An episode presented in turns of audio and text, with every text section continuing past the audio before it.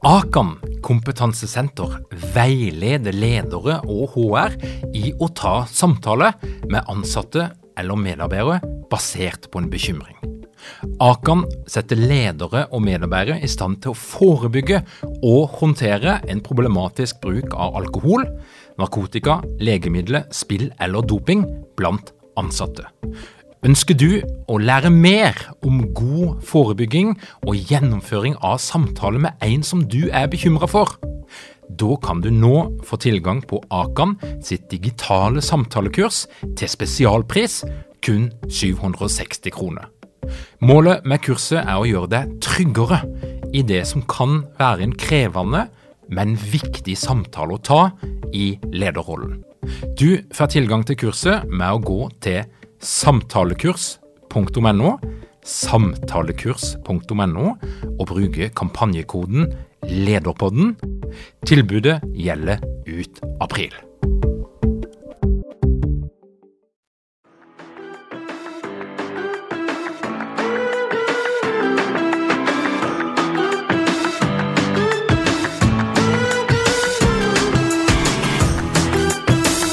Velkommen til Lederpodden.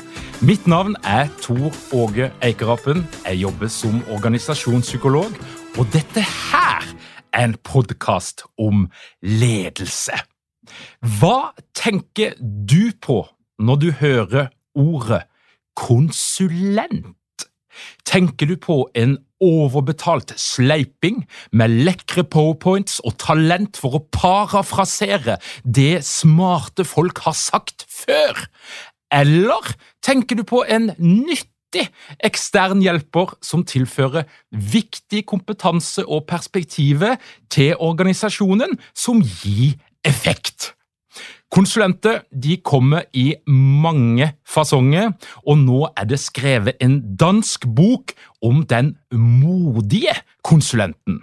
Og siden det er vanskelig for oss nordmenn å komme oss til Danmark for tida, så har vi fått Danmark til å komme til oss i denne episoden. Og da skal jeg faktisk gjøre lite, et lite triks i dag. Jeg skal ta fram min danskkunnskap, som er 20 år gammel etter et halvt år med jobbing i barnehage. Så får vi se åssen det funker.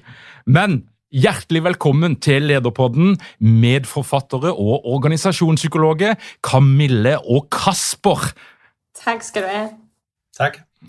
Camille Leicht, Kasper Lundby Jølberg, dere er begge organisasjonspsykologer. Dere er lidenskapelig opptatt av lederutvikling og det som skjer som handler om relasjoner, som handler om følelser, inn i lederutviklinga.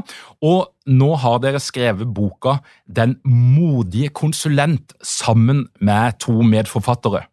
Og nå skal jeg prøve meg på dansken. og det jeg undrer over, det er Hvorfor trenger verden denne her eh, bogen? Hva, hva, hva er det som, som, mangler, som I tilfører med denne bog? Ja, jamen først og fremmest tak for, for invitationen. Og ja, man kan sige, at det, som, som vi først og fremmest var inspireret af, eller det, der gjorde, at vi fik lyst til at skrive den her bog, det var jo, at vi som organisationskonsulenter selv har været på rigtig mange kurser. Vi har selv øh, forestået mange kurser for andre konsulenter, og det vi rigtig meget oplever, det er, at der er det her enorme fokus på øh, tilegnelse af ny viden, tilegnelse af nye metoder.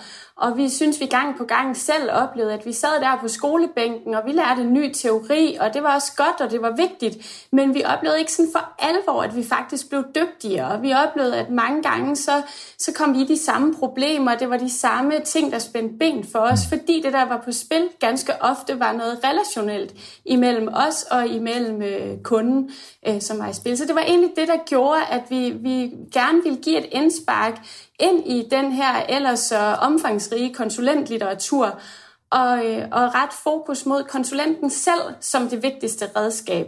Øh, ja, så det er sådan en korte fortælling for, hvad var det, der ansporede os til at, at skrive den her bog. Og så finnes det jo så mange typer ulike konsulenter. Eh, de klassiske managementkonsulentene i de store konsulentselskapene i sine flotte dresser, eh, som driver kanskje mer med metall og de harde facts. Så finnes det de softe konsulenter, som ofte befinner seg i litt mindre fellesskap, spredd rundt forbi. Noen er alene. Men hvilken konsulent er det dere skriver om? Vi skriver til og om alle slags konsulenter. Fordi uanset hvad for en type konsulent man er, hvad for en faglighed man, man hjælper sin kunde og organisation med, så er man jo først og fremmest øh, en hjælper. Og når man hjælper andre, så øh, bliver man selv bragt i spil. Øh, hvad er ens motiver? Øh, hvordan, hvorfor vil man hjælpe? Hvordan får man mulighed for at hjælpe? Hvornår bliver man bragt i spil på en måde, som gør, at man ikke er hjælpsom? Så det er egentlig lidt lige meget, om man er IT-konsulent, finanskonsulent, managementkonsulent, udviklingskonsulent, om man primært underviser, eller om man faciliterer bløde processer, eller om man skriver lange rapporter. Øh, uanset typen af konsulent eller medarbejder og medmenneske for den sags skyld, så er det, vi bringer i spil her, vigtigt for alle mennesker, der går på arbejde. Og i eh, Norge, som i Danmark, så findes det jo nogle konsulentstereotypier. Jeg nevnte noen av de innledningsvis. Eh, kan, kan dere fortelle litt hvilke konsulentstereotypier er det som finnes i Danmark? Jeg kan se for meg at det er et par av de. Ja, men altså man kan sige, meget af det, vi skriver ind i, det er jo lidt også et forsøg på at gøre op med den her forventning, som du også siger i din, i din indledning til konsulenten, som den her alvidende, der kommer ind og, og ligesom enten tror, eller i hvert fald giver udtryk for, at, at man kan det hele, og man ved lidt om alt, og som står der i sin fint øh, pusset øh, dress der, og klar til at, og, og komme med svarene på det hele. At, at vi jo rigtig gerne vil tale for konsulenter i højere grad som hele mennesker, som, som Kasper siger, som også er en del af den relation, de kommer ind i, og som derfor øh, primært også må kigge på, øh, hvad er det, jeg kommer ind med, hvad er det, der, der er vigtigt for mig at forvalte, for at jeg kan være den her nyttige hjælper, og ikke øh, den her store, øh, øh hvad kan man sige, heltekonsulent, som man kunne tegne en, en stereotypi op omkring. Og, og hvad med, vi, ja, Kasper? Og det er måske også der, vores rejse startede, at, at det vi så, og det var selvfølgelig med udgangspunkt i den form for konsulenter, vi selv omgiver os med, øh, altså som Camilla siger, helten, konsulenten, der er helten. Så vi startede med at se på konsulenter, der var mere optaget af at høre sig selv tale, end at, at, at lytte, og konsulenter, som gerne vil fremstå professionelle, og derfor øh, måske øh, ikke havde adgang til sit eget arsenal øh, af øh, og følelsesregister og fik bragt det i spil.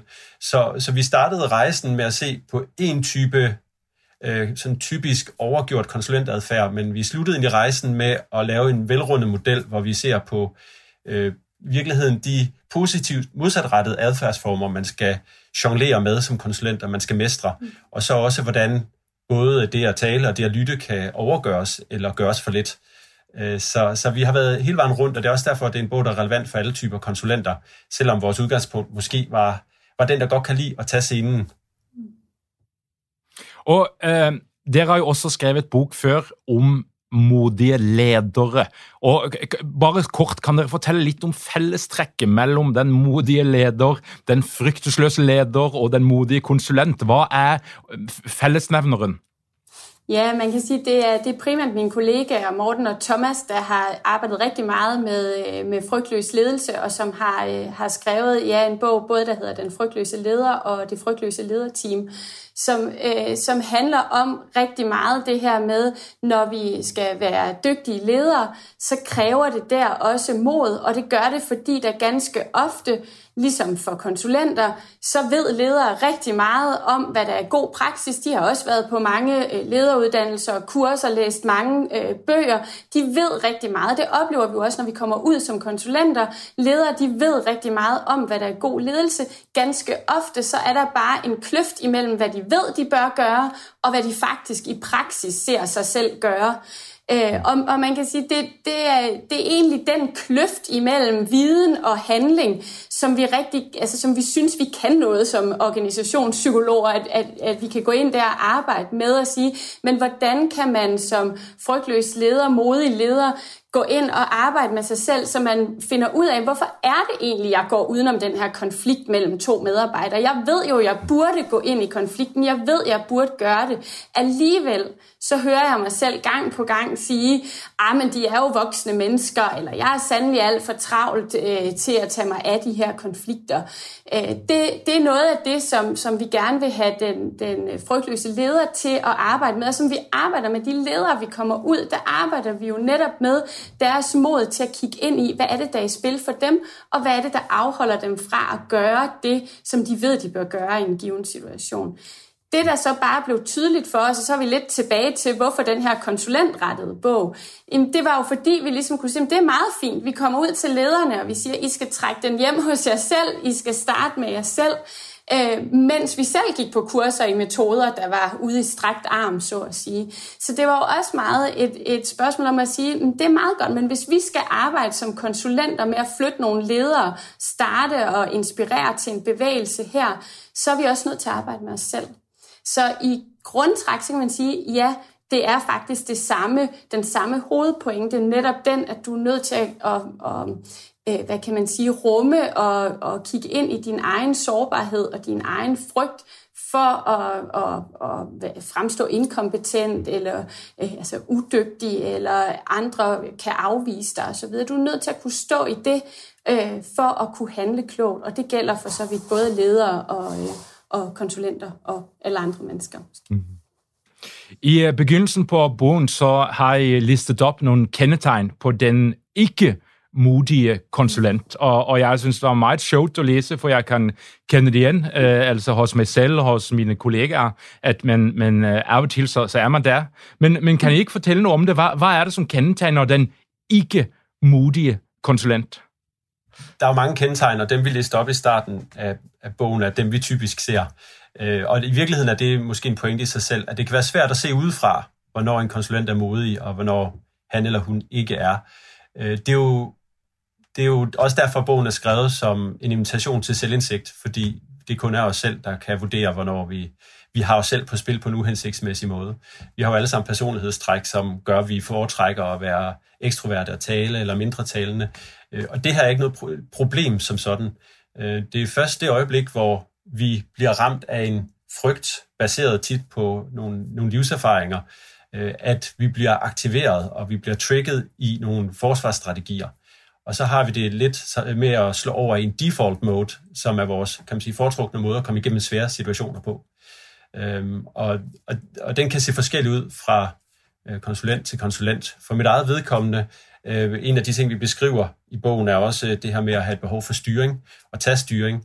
Og jeg husker, at jeg ser som en yngre konsulent, som måske ikke har så meget erfaring, men mere netop af al den her viden og de værktøjer, som Camille refererer til, Øhm, at jeg, når jeg prøvede at, tage styring for en ledergruppe og en proces, og øh, nogle af dem, de skulle lige ud og snakke med en kunde eller en kollega, der ikke var med, øh, det ramte mig. Jeg følte ikke, at de respekterede min øh, kan man sige, klasserumsledelse, min autoritet, min faglighed, øh, hvilket gjorde, at jeg fik en impuls til at gå ud og sige, så nu skal I komme ind, nu går vi i gang.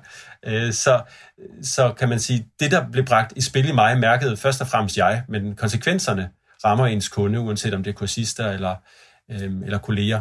Øh, så det er meget det, øh, vi har skrevet om. Hvad er det for en indre proces? Hvad er det for en frygt, som bliver aktiveret? Og man kan sige, at mod er jo så det modsatte. Det er at registrere den her frygt, fordi vores pointe er også med bogen, at vi alle sammen har den. Der er ingen af os, der er kan man sige, øh, født med det perfekte match af øh, gener og opvækstmiljø, og derfor ingen kanter har. Vi har alle sammen kanter og udfordringer og trigger points.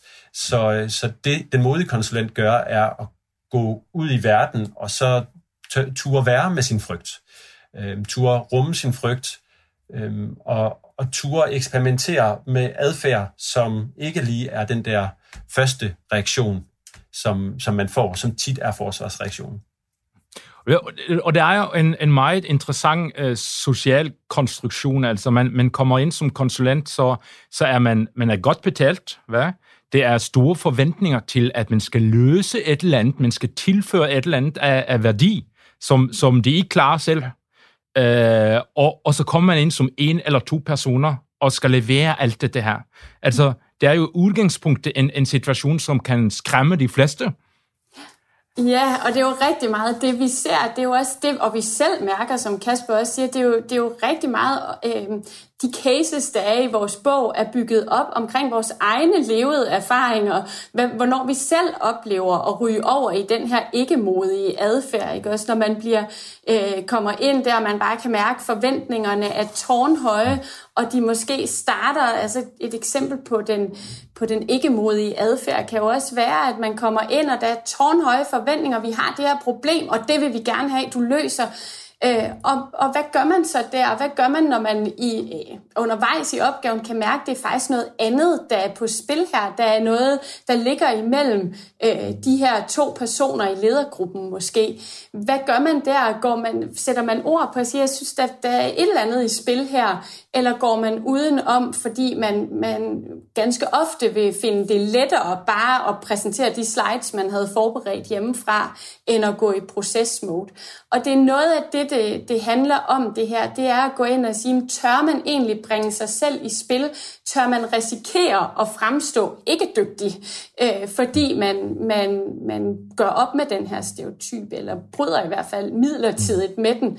Øh, fordi det er vigtigt for os at sige, at det, der er modigt, det handler jo ikke om at øh, gøre det, der er sådan dumt dristigt eller frygtløst.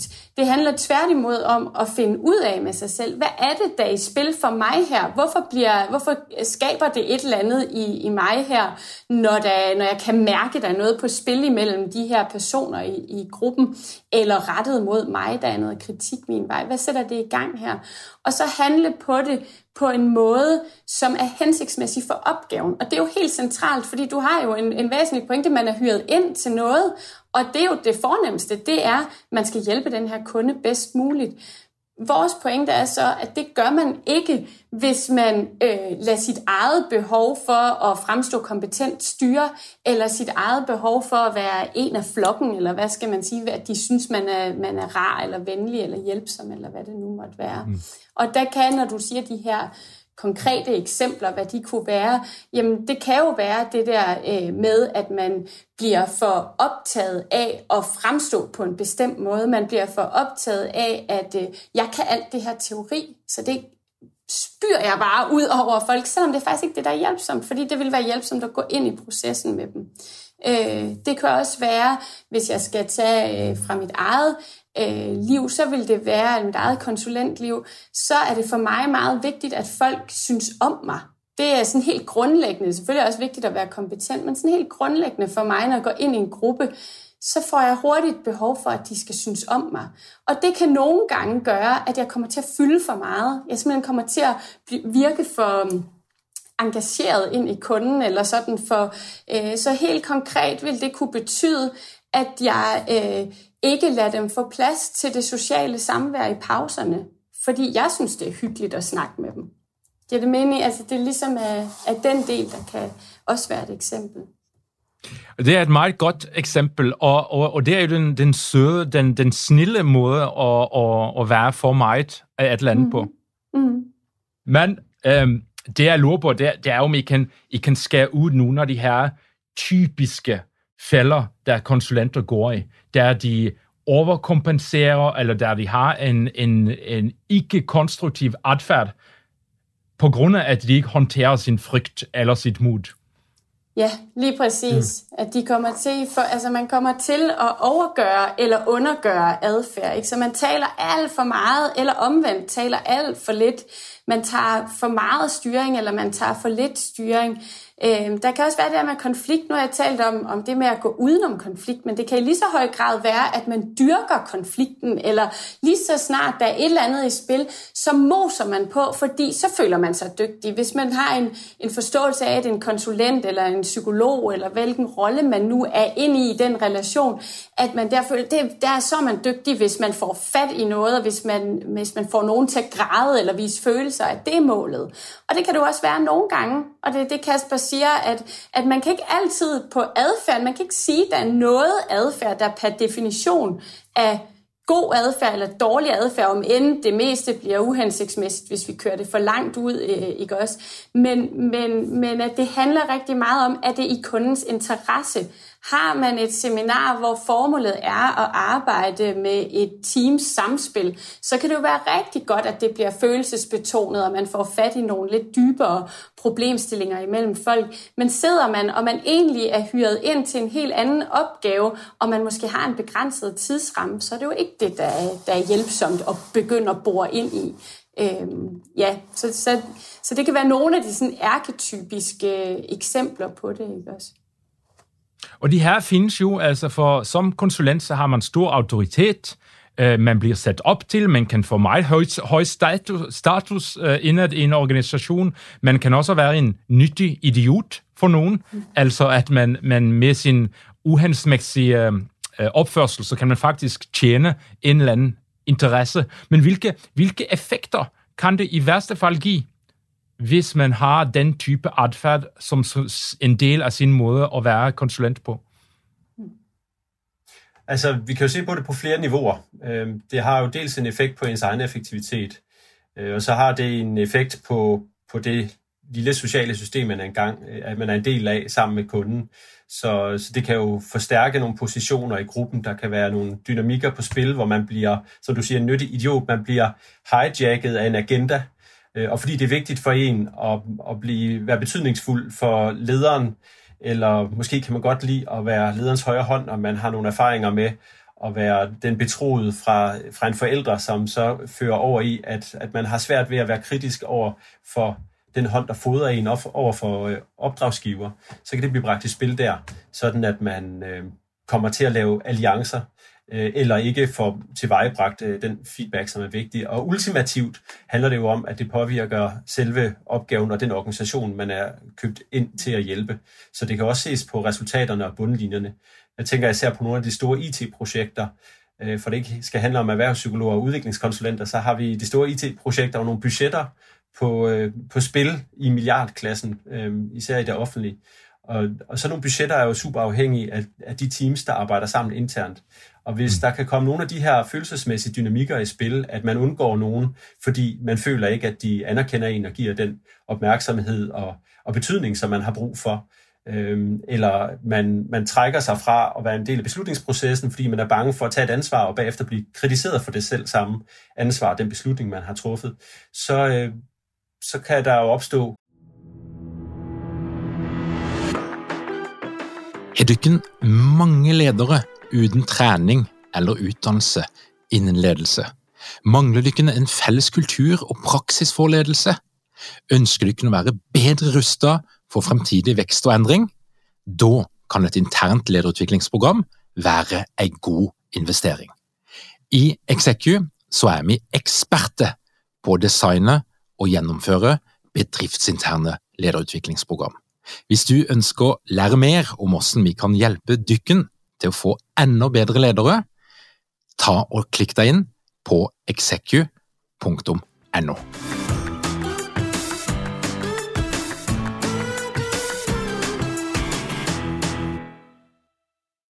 groupthink, eller der kan opstå sådan harmonisøgen, som er uhensigtsmæssig i forhold til at få al information på bordet øh, og derfor kan man få truffet de forkerte beslutninger. Ja, jeg tænker også på den, den lille etiske dimension af det her. For som konsulent, så er man jo også i en position, der man faktisk kan påføre andre mennesker smerte, ubehag. Øh, man har en form for magt, som, som virkelig kan være øh, en stærk faktor. Øhm, har, har I set nogle eksempler på, at en en øh, ikke modig konsulent også kan, kan have en rent destruktiv effekt? Mm, jeg tror ikke, altså jeg tror egentlig mere end de der sådan helt grælde eksempler, for du har jo fuldstændig ret, det, det vil jo sikkert kunne findes, Øh, at, at, at det går helt ud i at blive øh, ja, fyldt så meget, at man for eksempel ja, øh, nærmest tvinger nogen til at udlevere mere, end de egentlig har det godt med. Det, det kunne der da sikkert findes eksempler på.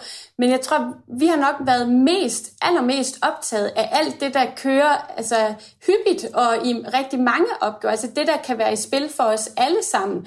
Fordi det har jo måske ikke lige så grælde sådan etiske øh, problematikker indover, men det har det jo alligevel, fordi hvis vi, øh, som du selv siger, vi får en god løn som konsulenter for at komme ud og være hjælpsom, og hvis vi ikke er reelt hjælpsom, så har det jo også en destruktiv karakter. Så, så vi har måske været mest optaget af alt det, fordi, der jo, fordi du, som du siger, får vi jo lov til meget. Vi, folk læner sig jo ind i det, vi gør, så når vi kommer ud, hvis vi siger, nu skal vi bore mere her, så vil rigtig mange, selvom ledere er utrolig øh, øh, dygtige og, og selvfølgelig i mange tilfælde har øh, selv en holdning til, hvad der er godt at gøre, så, vil der og så har vi, oplever vi også generelt stor tillid til os som, øh, som gruppe, øh, når vi kommer ud. Og det betyder jo selvfølgelig der, at vi kan komme til at gøre, gøre skade. Ikke også? Så der, og ind i det synes vi egentlig mere, at det er øh, interessant at kigge på det, der hele tiden sker i det små, fordi det også dræner og, og virker destruktivt, mere end de der få, øh, måske helt øh, vanvittige eksempler, altså, som vi heldigvis ikke ser så tit. I har nogle øh, teoretiske rammeværk, som I præsenterer, som er, den ene er Brené Brown, øh, og det andet er Schultz. Kan I ikke fortælle lidt, bare en lille forklaring af, af hvorfor I har brugt den her teori i, uh, i jeres fremstilling? Jo, det kan vi helt klart. Siger du noget om Brené, så siger jeg noget om Schutz. Lad os gøre det. Altså, Brené Brown er jo meget fremme i tiden. Der, der er sikkert mange af dine lyttere, som, som kender til hendes øh, pointer omkring det her med sårbarhed. Øh, pointen fra hende er jo det her med at sige, at vi er nødt til at stå i sårbarheden. Vi er nødt til at omfavne, at vi er hele og sårbare mennesker. Og det er jo meget øh, både øh, målrettet ledere og, og mennesker generelt, men hun har også dedikeret noget af det direkte til ledere. Ikke? Altså det her med at sige, men, men når jeg står her, så er jeg ikke perfekt. Jeg har øh, nogle ting med mig, det har vi alle sammen. Og det kan jeg enten vælge at gemme mig bag et skjold, der viser, øh, hvor, hvor jeg prøver at lade som om, jeg er perfekt, og jeg har styr på det hele. Eller jeg kan lade det der skjold falde og sige, her står jeg, der er noget på spil for mig, og der er noget, der er svært for mig. Øh, der er noget, jeg, jeg har brug for at, øh, at risikere, så at sige. Så hendes, altså det vi, vi mm, hvad kan man sige, bruger hende til, det er jo egentlig for, altså for at, at, at lægge an til det her mod til sårbarhed, kan man sige. Så når vi taler om mod, er det rigtig meget forstået som mod til at turde stille sig sårbar og, og både sårbar i forhold til at kigge ind i sig selv og sige, hvad er det, der er på spil for mig, hvad er det for en bagage, jeg har med mig, men også stille sig sårbar, når man står ude hos kunden, og der er den her tunge, tunge forventning til, nu kommer konsulenten og fikser det her, og man står, og man måske faktisk ikke ved, hvad man skal gøre. Så det handler også om det der med at ture og sige, mm, det har jeg faktisk brug for lige at tænke over, eller det, det er jeg faktisk ikke, øh, det, det er jeg ikke lige helt klar over. Det har, i, I stedet for, at vi stiller os ind og siger, ja, nu skal du høre, og så trækker man bare den første tilfældige teori op af hatten, øh, så at sige. Ja, det, det er sådan Brené Brown øh, omkring det med sårbarhed og turde stå i det. Mm. Mm. Øh, og en af de andre personer, som du nævner, vi er optaget af, det er Will Schutz, som var en amerikansk organisationspsykolog, som beskæftigede sig, og han er en, en gammel herre efterhånden. Øh, det var under Koreakrigen, han var ansat i, i hæren og var nyuddannet psykolog, og derfor så var han inde og undersøge, hvad er det, der kendetegner produktive teams. Og han så, at øh, det handlede om kompatibilitet i forhold til deres adfærd indbyrdes og at det, der kunne komme i vejen for den produktivitet, var, hvis man ikke var i stand til at være fleksibel og tilpasse sig situationen og sine team, øh, kolleger, sine, sine ja, øh, peers i organisationen. Og det han så på, det var så, hvad er det egentlig for nogle følelsesmæssige behov, som, som driver den adfærd? Og hvordan bliver de bragt i spil med baggrund i ens livserfaringer og med baggrund i ens selvfølelse. Så hvis jeg nu er vokset op i en familie, og øh, de, de tre behov, det kan være, jeg skal starte der, som han øh, præciserede var behovet for at være betydningsfuld, som handler om at blive set, anerkendt, være en del af gruppen, øh, være vigtig for nogen, og så behovet for at være kompetent, som handler om at kunne agere i verden, være, være dygtig til noget og kunne bidrage til gruppen, øh, påvirke gruppen, øh, Øh, og også få sin egen autonomi i, øh, i relation til gruppen. Og så endelig behovet for at være afholdt, som handler om øh, at blive set som den, man er, og blive accepteret og rummet, også for de holdninger og meninger øh, og synspunkter, man har. Øh, når man sådan giver sig til kende. Og det er jo i virkeligheden meget det, Brené Brown, den sidste del her, taler ind i. Det med at, at turde være sårbar og vise hele sig selv.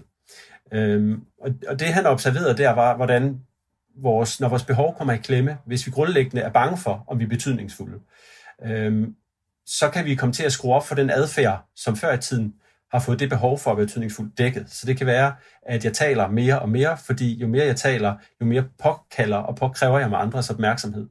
Øh, og den scene har man jo tit som konsulent, øh, så man kan blive stillet op på den. Der kan også være et miljø omkring en, der forhærliger det, man siger, så man bliver øh, slet ikke bevidst om, hvornår det er uhensigtsmæssigt. Øhm, men i virkeligheden er det en, kan man sige, en niche, man har fundet, som passer rigtig godt til ens forsvarsstrategi. Øhm, og det kan være rigtig fint. Men hvad hvis det, der er brug for, er, at man trækker sig og giver plads og lytter? Øhm, og der trækker vi også på en, en anden forsker, som så kommer fra den kliniske erhvervspsykolog, øh, GI, som hedder Jeffrey Young. Og det, han har beskæftiget sig med, det er, hvordan vi i samarbejdet og øh, samspillet med andre mennesker nogle gange kan blive grebet af, når vi kan man sige, bliver bange for, om vores behov det bliver tilfredsstillet, så kan vi få aktiveret nogle enten overkompenserende adfærdsstrategier, det her, hvor jeg taler for meget, men der er faktisk også den modsatte, den undgående adfærdsstrategi, hvor jeg klapper i som en østers, og lige pludselig siger jeg ikke noget. Og det er også noget, der kan mærkes i gruppen, og det kan suge en masse energi i gruppen som et, et sort hul. Øh, selvfølgelig især hvis konsulenten gør det, eller hvis lederen i gruppen gør det. Øh, der er nogen, der ikke melder sig ind. Og så er det, man har brug for den her gruppepsykologiske tryghed for at få en samtale om, hvad skete der lige der? Og er det noget, der egentlig handler om gruppen, og gruppen skal dele med? Eller er det noget, jeg som individ eller som konsulent skal dele med? Mm. Øhm, så, så noget af det, som jeg synes, øh, Schutz har tilføjet her, det er en bevidsthed om sammenhængen mellem de behov, jeg har, og hvordan de er på spillegruppen, og så den adfærdsstrategi, jeg vælger, og også det her med, hvornår er det, vi bliver rigide at det er typisk, når man bliver rigid og, tænker, og bliver blind for, jeg kunne da egentlig også tale mindre, eller jeg kunne også øh, være lidt anerkendende og ikke kun påpege alle forbedringspunkterne. Øhm, eller måske skulle jeg give lidt af mig selv for at skabe en tryghed, så de andre også har lyst til at, at give noget af sig selv og komme på banen. Hvis jeg bliver meget rigid i min adfærd, så er det som regel frygtbetinget og, øh, og en forsvarsstrategi. Hmm. Og der er jo det store spørgsmål, hvordan bliver man en modig konsulent? Ja, det er det gode spørgsmål. altså, øh, jamen for det første, så når, når vi, øh, når vi sådan beskæftiger os med det, så er det allerførste jo egentlig at erkende sin sårbarhed, og erkende, at man har behov for at pege pilen indad, og arbejde med sig selv også. Og der ligger jo allerede noget, ikke? fordi vi er som sagt skolet meget i det der med, at det at dygtiggøre sig i høj grad handler om at tilegne sig metoder og ny viden. Så det overhovedet at prioritere og sige, jeg er faktisk nødt til først og fremmest at lære at forvalte mig selv på en sund måde. Og, og det både handler om at gå ind i de behov, som Kasper lige øh, nævner her, og se, hvad er egentlig i spil på mig, hvad, øh, for mig, hvad har jeg med mig? Øhm, og så handler det også om, hvordan er det, jeg forvalter mit konsulentliv. Vi ser jo også rigtig mange konsulenter, som kører i et virkelig højt tempo, og som drøner fra den ene opgave til den anden, og det er jo heller ikke særlig befordrende for, at man faktisk får stoppet op og mærket efter, hvordan møder jeg den her kundes behov allerbedst, og når jeg ikke har lyst til at gøre det her, hvad handler det så om? Er det fordi, det ikke er det, der er behov for, eller er det fordi, der er et eller andet i spil hos mig? Øh, det kræver også tid og overskud at kigge ind hos sig selv og sige, hvad er det, jeg har tendens til at gøre for lidt eller for meget af? Øhm, så, så det første punkt, hvis man gerne vil udvikle sit mod, det handler rigtig meget om at stoppe op og finde, altså øh, og prioritere øh, eventuelt den supervision, man har, eller de sparringspartnere, man har omkring sig, det arbejde, man har, og, og ture lægge teoribøgerne en lille smule væk, og så kigge ind i, hvad er i spil hos mig.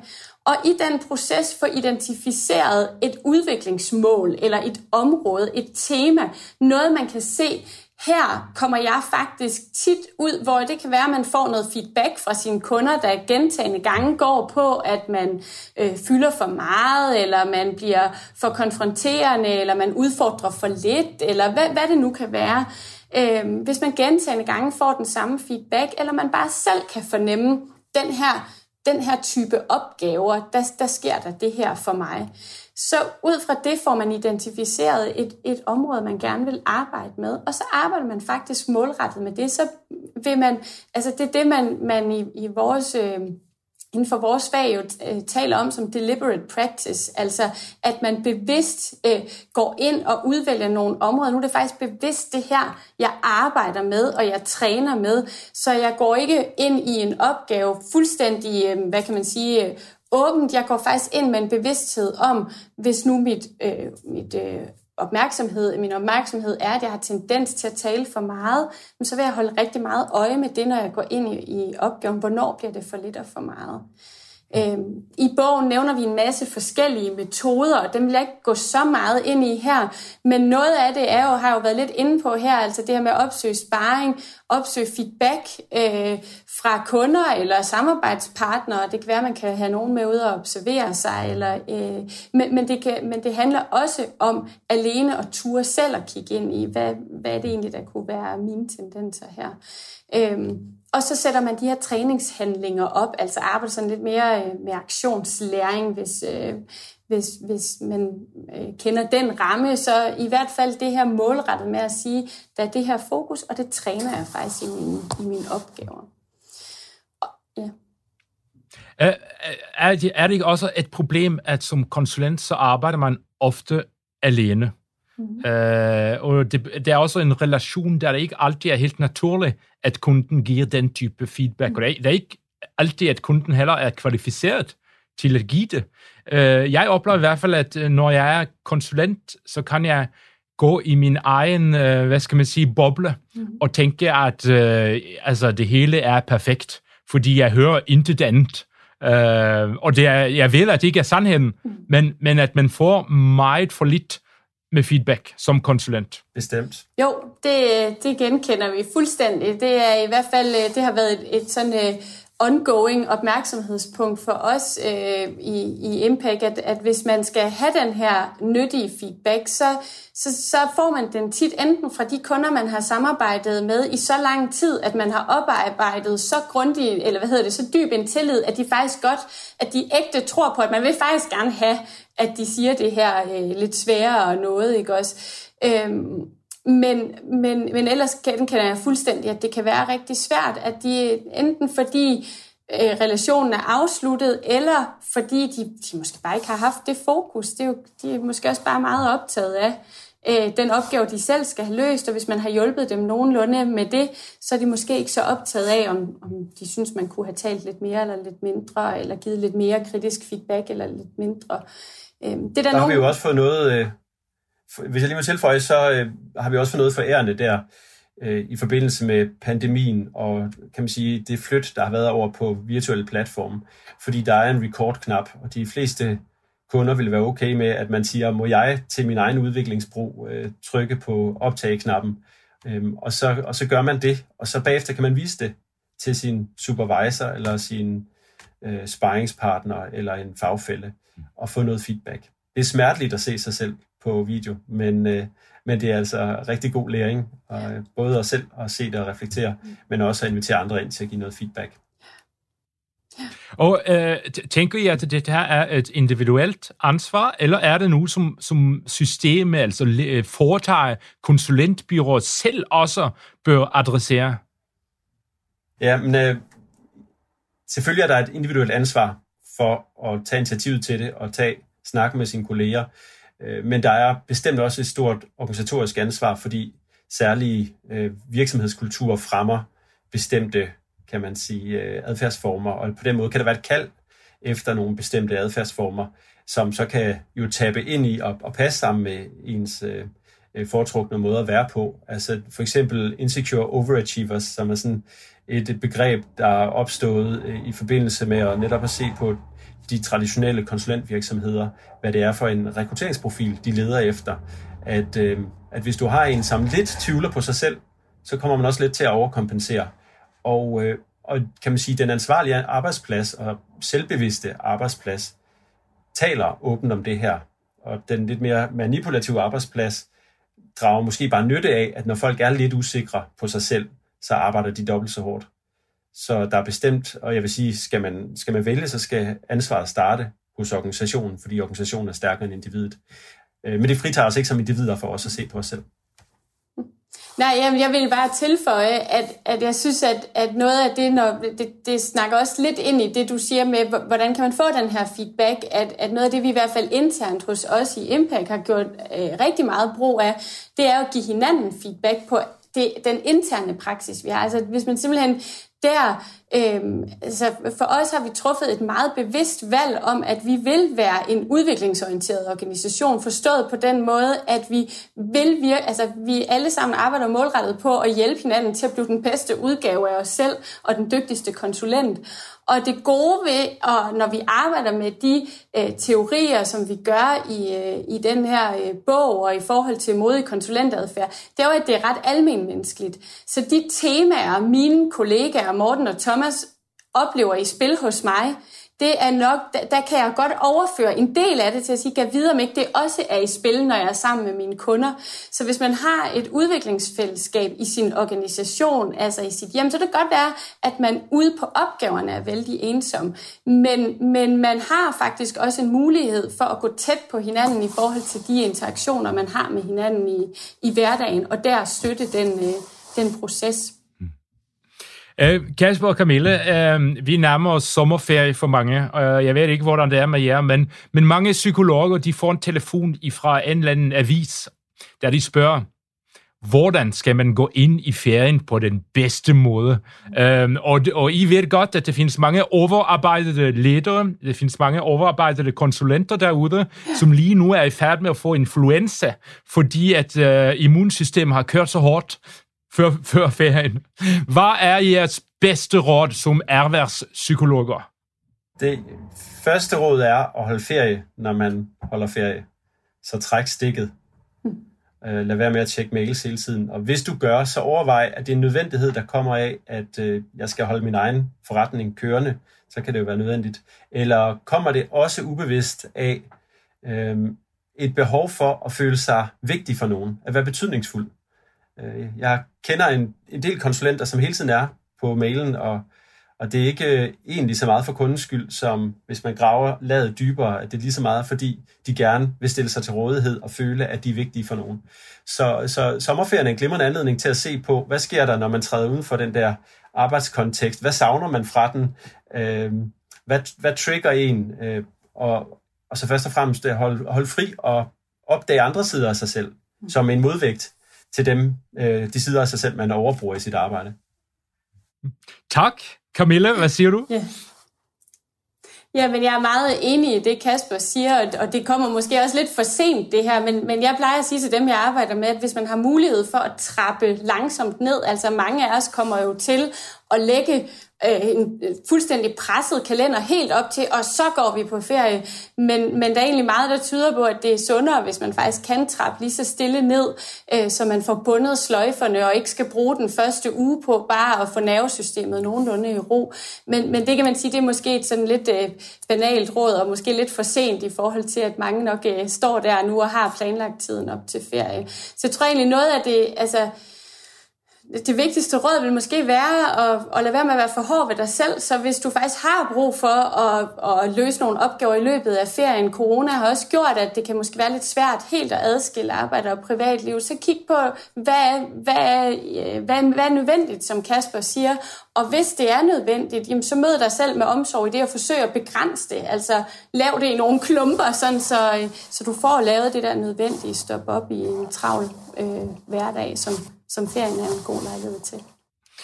Tusind tak, Camilla og Kasper, for at I kom til Lederpodden. Det var dejligt at have lidt Danmark i Norge. Tak. Tusind tak, fordi vi måtte være med. Og øh, for dere som hører på, jeg skal selvfølgelig lægge en link, sånn at det er muligt at få tilgang på denne boka også i Norge. Og til alle dykken som hører på, Tusen takk for at du hører på Lederpodden. Ønsker du å holde deg oppdatert på alt vi holder på med, gå inn på lederpodden.no og nyt sommeren. Takk for at du hører på.